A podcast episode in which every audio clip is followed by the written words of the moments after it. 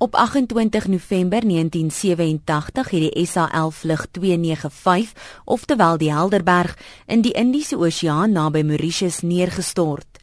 Al 159 mense aan boord die vlug van Taipei in Taiwan na Johannesburg is dood. Volgens die Sunday Times berig, bly Alan Dexter nou in Australië en is hy terminaal siek met kanker.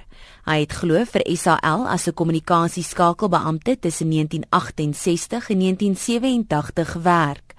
Dexter sê in sy beëdigde verklaring dat hy deur twee amptenare vertel is van die vuurpyl brandstof en ammunisie aan boord en dat dit 'n geheime vrag was. Hy sê ook dat die kaptein van die vliegtyg, Dawie Eis, teen sy wil die vliegtyg moes vlieg. Anita Visser het sowat 2 jaar gelede met die joernalis Norman Chandler oor die vliegtuigramp gepraat, toe soortgelyke aantuigings gemaak is. Hy beweer dat meer as een persoon in die PW Botha kabinet nou betrokke was by die ramp en dat kaptein Dawie Eis opdrag van Magnus Malan ontvang het om van Shanghai Shek op te styg. He was already in the plane. He refused to take off. He was in telephone. Magnus Malan actually called him and told him straight, you will do it. And I understand from many other people that the pilot had also written down what Milan had said. He took off under duress.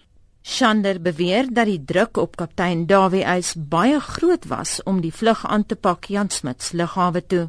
The pilot was told if he didn't take off, he'd be immediately dismissed from his job, he'd lose his house, he would lose his pensions. The threat was enormous for him. The fact that Magnus phoned, is there any proof of that? I think that's in the confidential files of uh, the government at the time. They slapped a 25-year embargo on the release of those files, and although 25 years is up, I would say that they're going to slap another 25 years on it.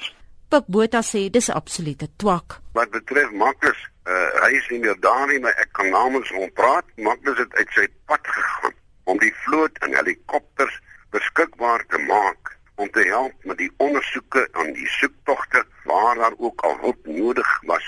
Dit dan die stem van die voormalige minister van buitelandse sake Pik Botha toe hy sowat 2 jaar gelede oor die Helderberg ramp met Monitor gepraat het. 'n Onafhanklike forensiese wetenskaplike, Dr David Klatsou, wat reeds vanaf die eerste ondersoeke na die ramp betrokke was, bevestig die jongste inligting van Dexter.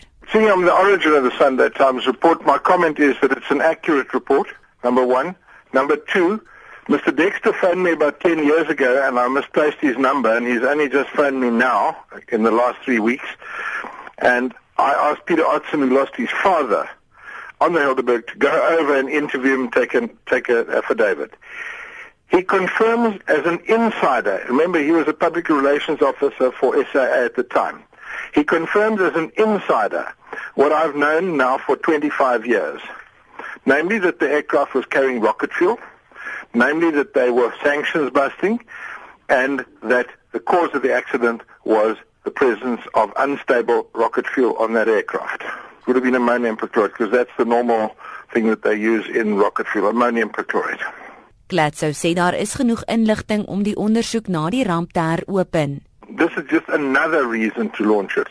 There's been enough evidence from the Margot Commission, from the very beginning, reading the Margot Commission to see how the judge in that thing was dishonest in the way he handled that commission.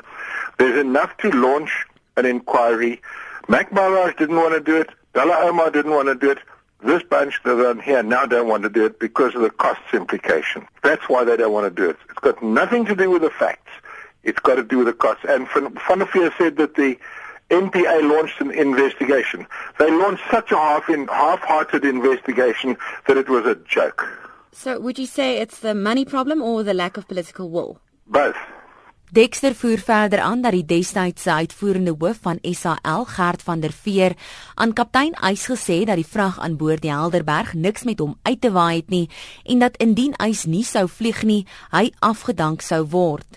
Gladsou beskou van der Veer as 'n sleutelgetuie. And I want to ask Mr van der Veer, Mr van der Veer, please explain to the country why you gave three versions of what happened to the tapes under oath at the TRC inquiry. He he gave three versions of what he did after he was told allegedly that the tapes were missing. Number 2, why he could not deny under oath the fact that the tapes had been placed in his hands.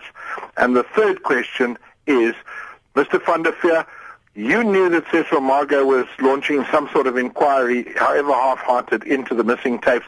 Why did you not tell him or volunteer the fact that you had them in your hands and you gave them to whoever to do whatever? Why did you not do that? Why did you stay silent? And I'd like the answers to those three questions. Van der Veer was egter nie bewus van die jongste aantuigings nie. Onsin, as daar enige aantuigings is, rapporteer dit aan die minister van vervoer. Hy is die verantwoordelike instansie. Dit was die voormalige uitvoerende hoof van SAL, Gert van der Veer. Ek is Melissa Tuggie in Johannesburg.